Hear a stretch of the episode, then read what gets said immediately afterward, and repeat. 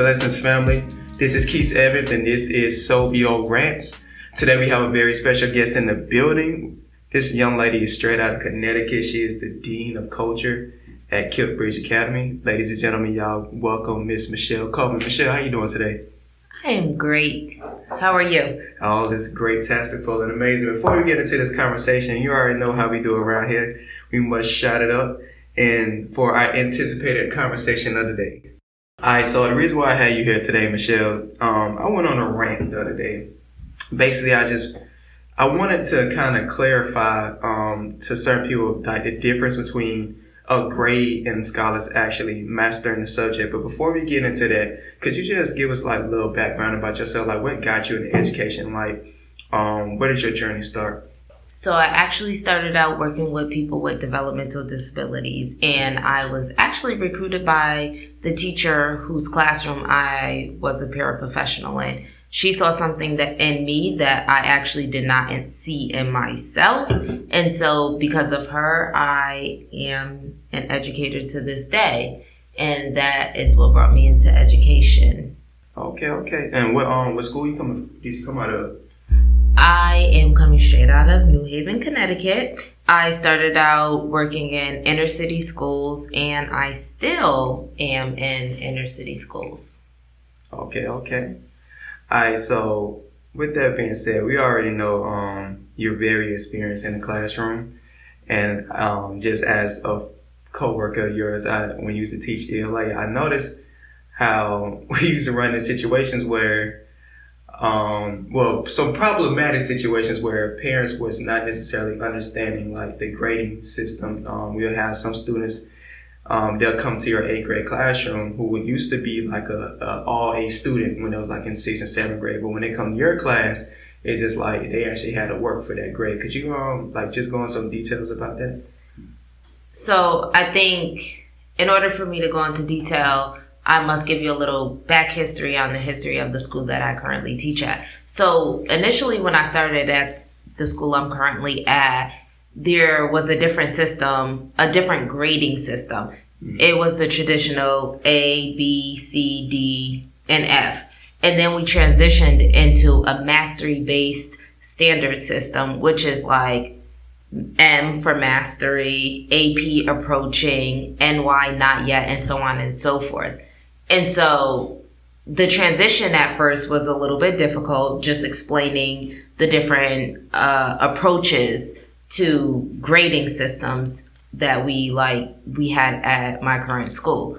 And so with the transition, it's a little bit difficult if I receive a scholar who is normally receiving A plus, A's, and that's all they know. But then they come into my classroom and we transition from um, A's and B's into mastery based, which is standard based, and also it translates and it correlates to the same letter grade, but it just looks a little bit different. It tells parents whether or not their child is mastering the standard versus just receiving a letter grade for uh, the work that they're completing. Mm-hmm. And so for me, I set the bar high. I identify as an African American woman. And so I believe that our kids can achieve a high, a high standard if we set that bar high for them to achieve. And so I would receive kids who, you know, were typically A or B students. Mm-hmm. Um, but then they get into my classroom and they're not receiving A's or B's. They may be receiving C's, you know, because they're approaching, they're almost there. But that is because I truly believe like if I have a system that works and I give I set the criteria and I give specific criteria for what they need to accomplish in order to receive a mastery based, you know, grade in my class and they're not quite there yet, I faced a lot of backlash because parents are like, my student is a straight A scholar, but they come to you and they're only receiving C's. But it's like, yeah, they quite didn't meet the criteria for success. They're almost there. I'm not saying that they're not, they're not smart they're not great. They're not capable of it. but they just need to do a little bit more to get there. And they're going to get there. And this is how they get there. And I'm going to give you the criteria. I'm going to, to give them what they need in order to get there, but they're just not there yet. But I do believe that they're great and they can meet that expectation. And I do appreciate you um, just just setting that setting that bar for your students like you have a high expectation for and i think that's where a lot of disconnect happens is when you do have those teachers that are just um, inflating grades whereas like their student may be smart. It's like oh this student may be higher than everybody else. Let me go ahead and give them an eight but then when they finally actually get to that teacher who is proficient in her craft or his craft and then they're at, they have to work for their grade not necessarily just being given a grade. I I think that's that's an interesting point. I think that some teachers look at the student and just because they have a history of being like a smart kid or a straight eight student, that is just a guarantee that they should receive that grade.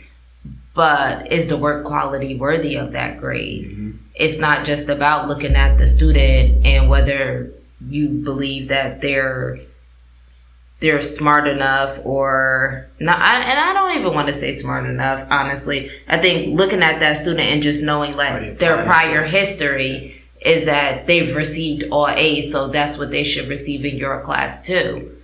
Mm, no but did you did, do you have that punctuation? Do you like have a capital letter at the beginning of your sentence. Does your sentence make sense? Do you have, and you have to excuse me, I'm a, I'm a ELA teacher, so I'm going to go into detail about like ELA and what makes sense to me, or I was a former ELA teacher.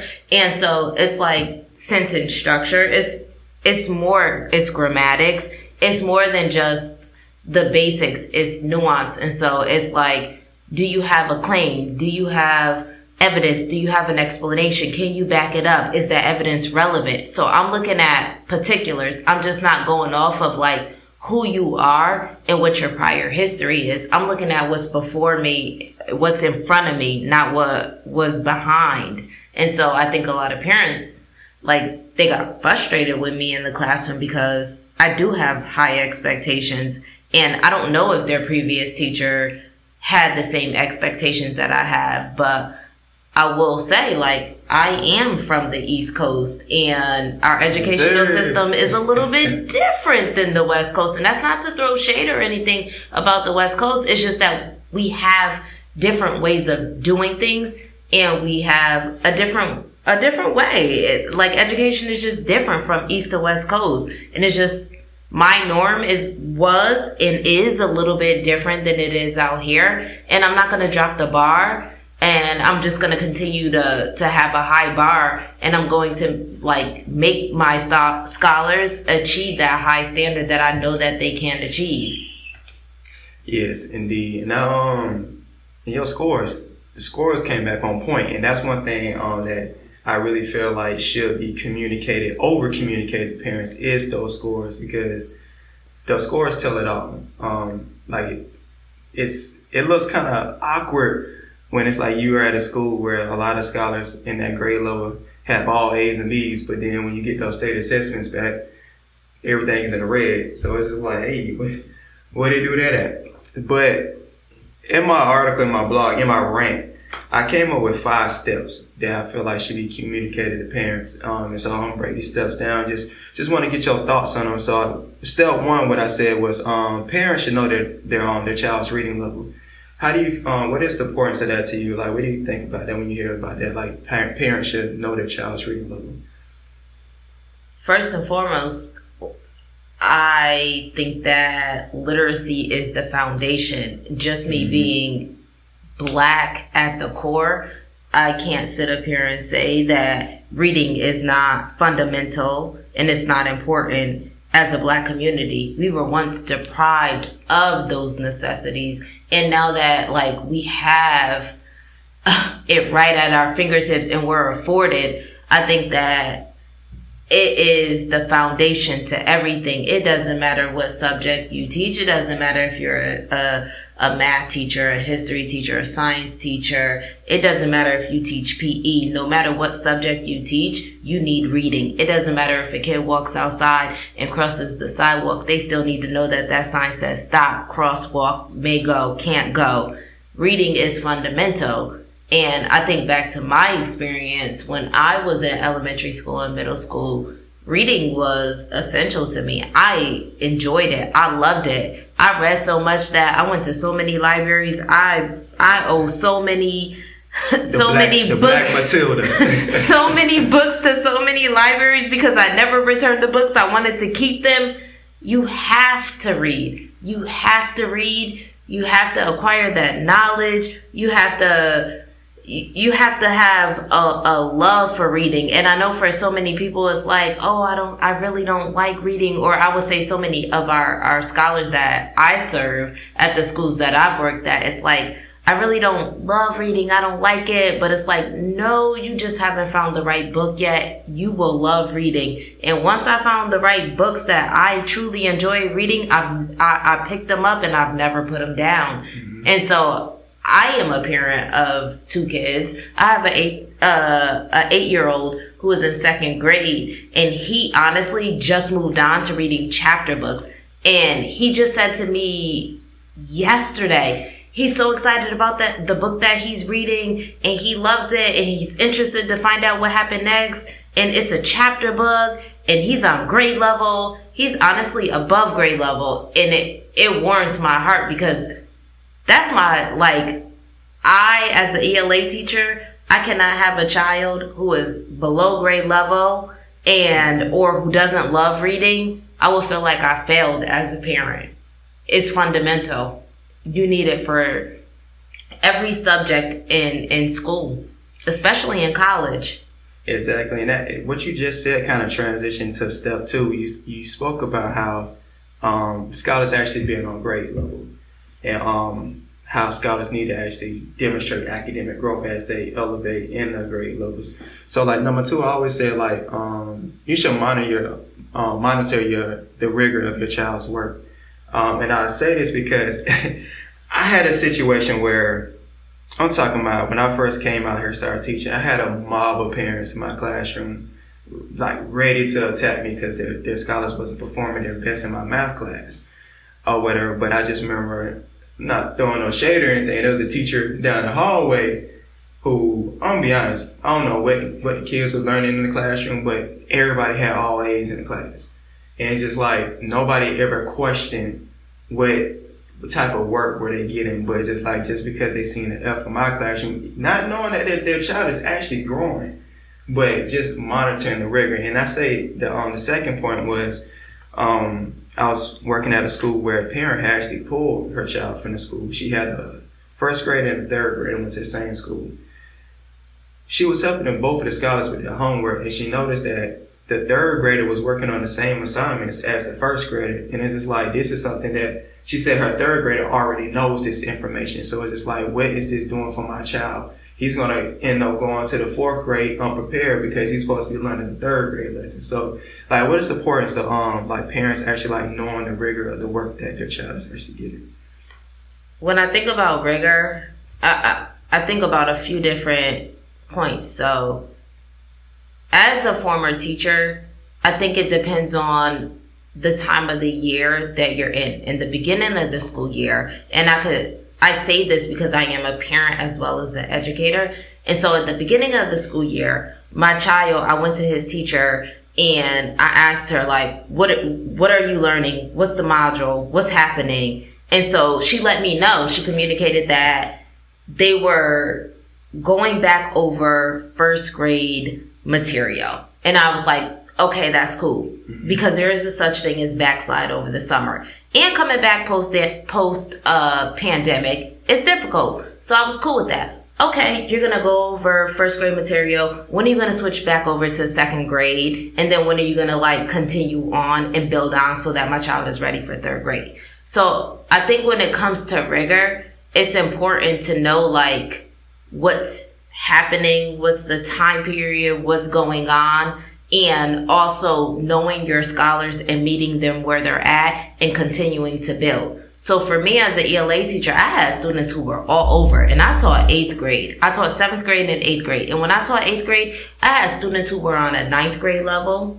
I had students who were on an eighth grade level, a seventh, a sixth, a fifth, a fourth, all the way down to a first grade level. So are you meeting your kids where they're at? Right? So am I doing my job to differentiate so that my kids are getting what they need and the material in front of them is rigorous for them individually as well as like still collectively teaching the standards that they need to be able to master. And that's difficult because it's not first year teacher and i don't this is not to throw shade at first year teacher uh, status but it's difficult when you're a first a first year teacher to be able to differentiate. So as a parent you have to know what questions to ask the teacher when you're coming in I know I've been in education for eight, nine years going on now. And so when I go to my teacher, my son's teachers, I know what specific questions to ask them. So as a parent, when you're looking at the material that your child is bringing home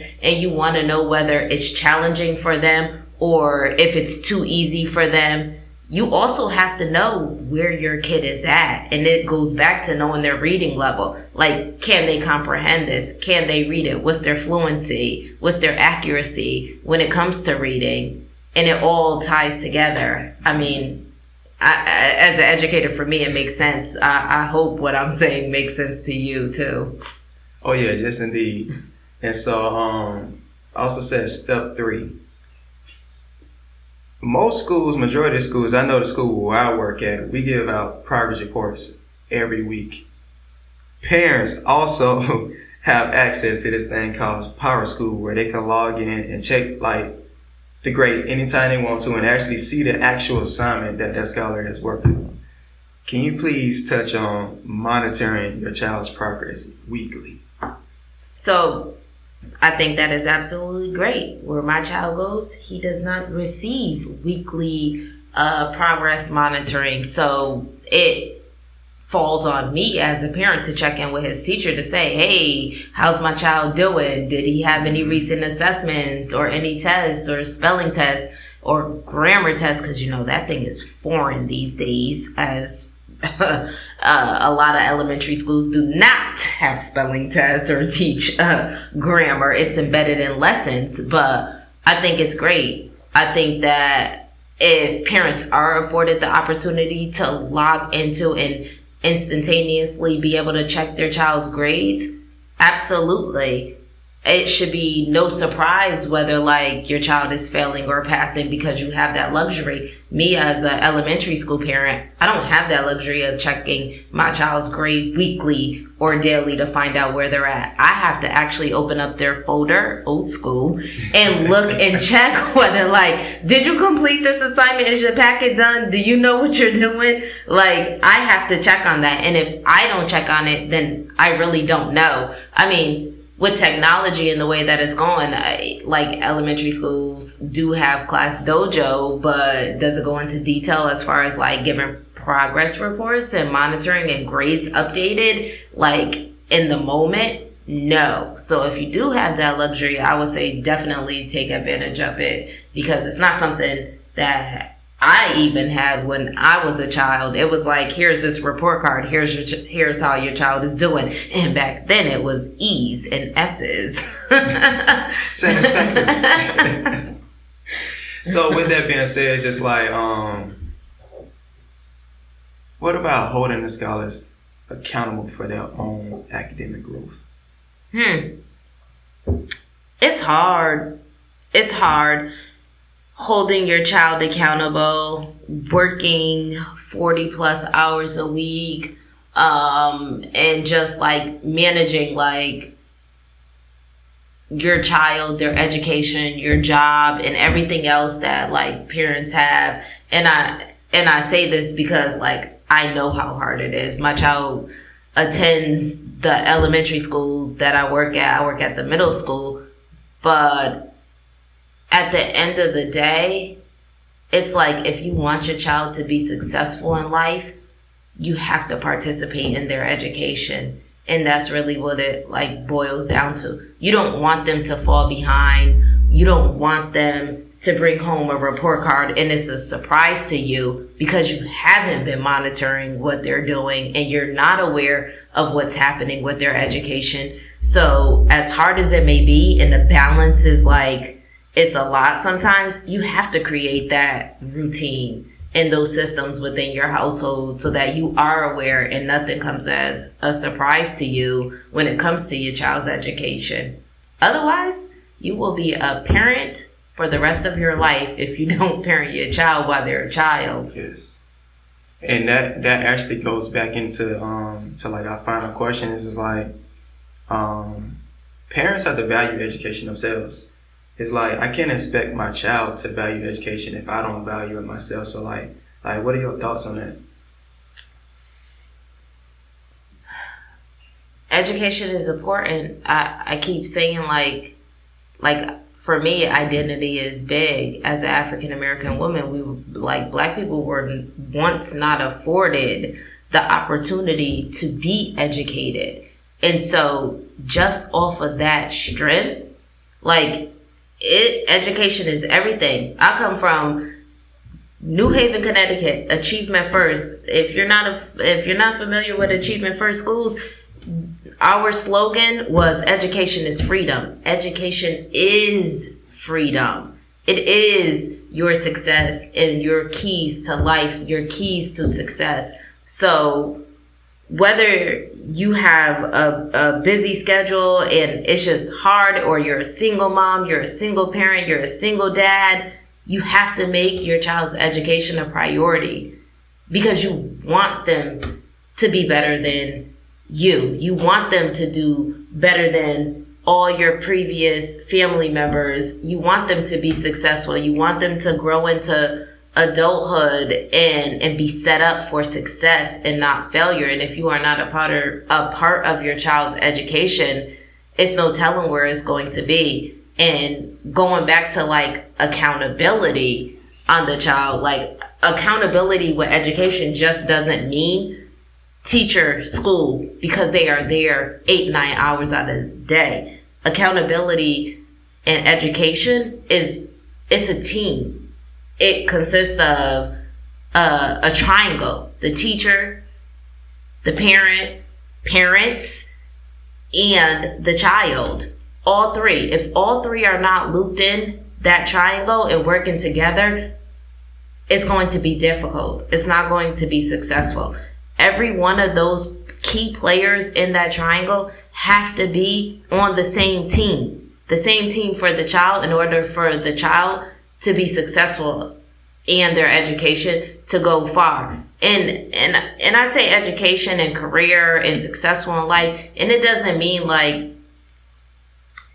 every child has to move on and and and go to college. College this might be controversial, but it, it isn't for everyone. Some people work better with their hands, and a trade is just as equally as great and successful Thanks. as college may be. So, whatever your child's talent is and whatever they are great in, it is our job as parents to push them and make them be successful, whether they are a doctor, uh, whether they're into carpentry, whether they are are lawyers or whether they're real estate agents, no matter or actors, whatever their talent is, that's what we should be pushing and greatness for our children and success.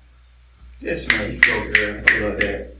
And so with us closing, could you please just give us some advice? It just say you are that parent. You just received a progress report report card from your child.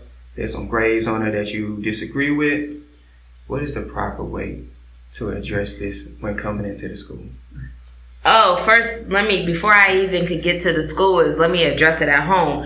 Um, that computer, that cell phone, that Roblox, that YouTube, all of those electronics Smash. that you love, done. No mas, no more. You're not having them. This grade better be brought up. Uh, your friends coming over for the weekend, not happening. I'm cutting all of that you want to have fun. You want to be able to like have extracurricular activities. You want to be able to have technology. your grades better be right. So for me, it's like I'm gonna address my child and then I'm gonna go to the school and go to his teacher and be like, okay, what standard is he not mastering? What is he struggling in? What area do I need to work with him on? What what recent test or assessment did he have difficulties with? Where's some extra work that I can have to work with him at home so that I can help him bring that grade up? I mean, that's always been my approach. And don't get me wrong, that doesn't mean that I'm um I'm totally uh um oblivious about like the things that are happening in his classroom because once again I work in an inner city school, Title One, and I know that things happen every day. I know that there are a lot of things going on within his classroom, but at the end of the day, it doesn't mean if my child's classroom is a hot ass mess. He better be the one scholar in that classroom sitting in his seat, sitting straight up, feet flat on the floor, hands folded, slant. hand raised, slant, uh, uh, hand raised in the ear, elbow to ear, like, he better be doing the right thing. I don't care. And if you did not understand something, you better raise your hand and ask your teacher. So something's not going on right here between me and you and your teacher. Forget all else that's happening in the classroom. So I'm never gonna go to my my my child's teacher and approach his teacher like, why is my child failing? I'm always gonna come with like, what do I need to do and how can he get better and what did he not understand so that we could be on one accord and so my child can be successful. But that's not all parents and I mean and that's a culture that we gotta that we need to um we need to deal with and address because stop coming up to the school trying to cuss these teachers out about grades. You know what I'm saying? It's it's definitely um, effective strategies and ways to come correctly. And also, especially, don't be that parent that's wait till the last day, the last week of school to try to finally come up to the school and then express your concerns about grades when it's like you done you don't got a damn power school password. You get progress reports every week. You feel me? So it's like. And education, like you said earlier, is is, is the triangle. You but, have the parent, the teacher, and you have the scholar. Everybody needs to do their job. I think that also goes back to are you showing up at the beginning of the school year for open house? Are you meeting the teacher? Do you know your child's teacher's name? For me, it's only a few teachers, but yes, I can tell you the teachers, all the teachers' names in my child's classroom. Do you know all of your teachers, your, your scholars, uh, teachers' names? for every subject. If you don't have a relationship with them, you should have a relationship with them. You should know them. You should at least know their names and be able to communicate with them. I know at the school that I work at, we are afforded to have cell phones. So if the school that your child attends, if the the teacher has a cell phone, get their contact information, get their email address, whatever it is, stay in communication with them, get to know them. So you if you do have a question you can reach out. I think back to my childhood experience i didn't have my teacher's cell phone number. I wasn't afforded that opportunity. There was a hotline if i had a if i had questions or difficulty with my homework that i had to call to get assistance with it's 2022 we now have uh, cell phones as educators contact your teacher email them Text them if your child is struggling with their homework at night.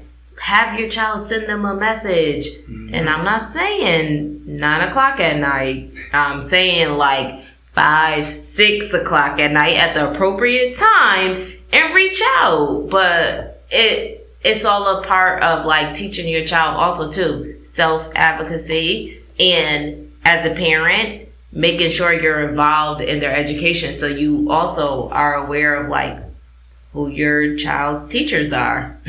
That's big. I can't tell you how many scholars, uh, parents have never showed up at my classroom, but I've like communicated with them nonstop, but they want to show up when there's like a, a, a, issue with a grade or behavior at the end of the school year. Exactly. Well, that's closing right there, um, Ms. Coleman. We definitely appreciate you for being a guest. Um, if you have not read the article, please feel free to go to Grade School Voices and check it out. Ladies and gentlemen, this is Sophia Rents. Y'all have a blessed day.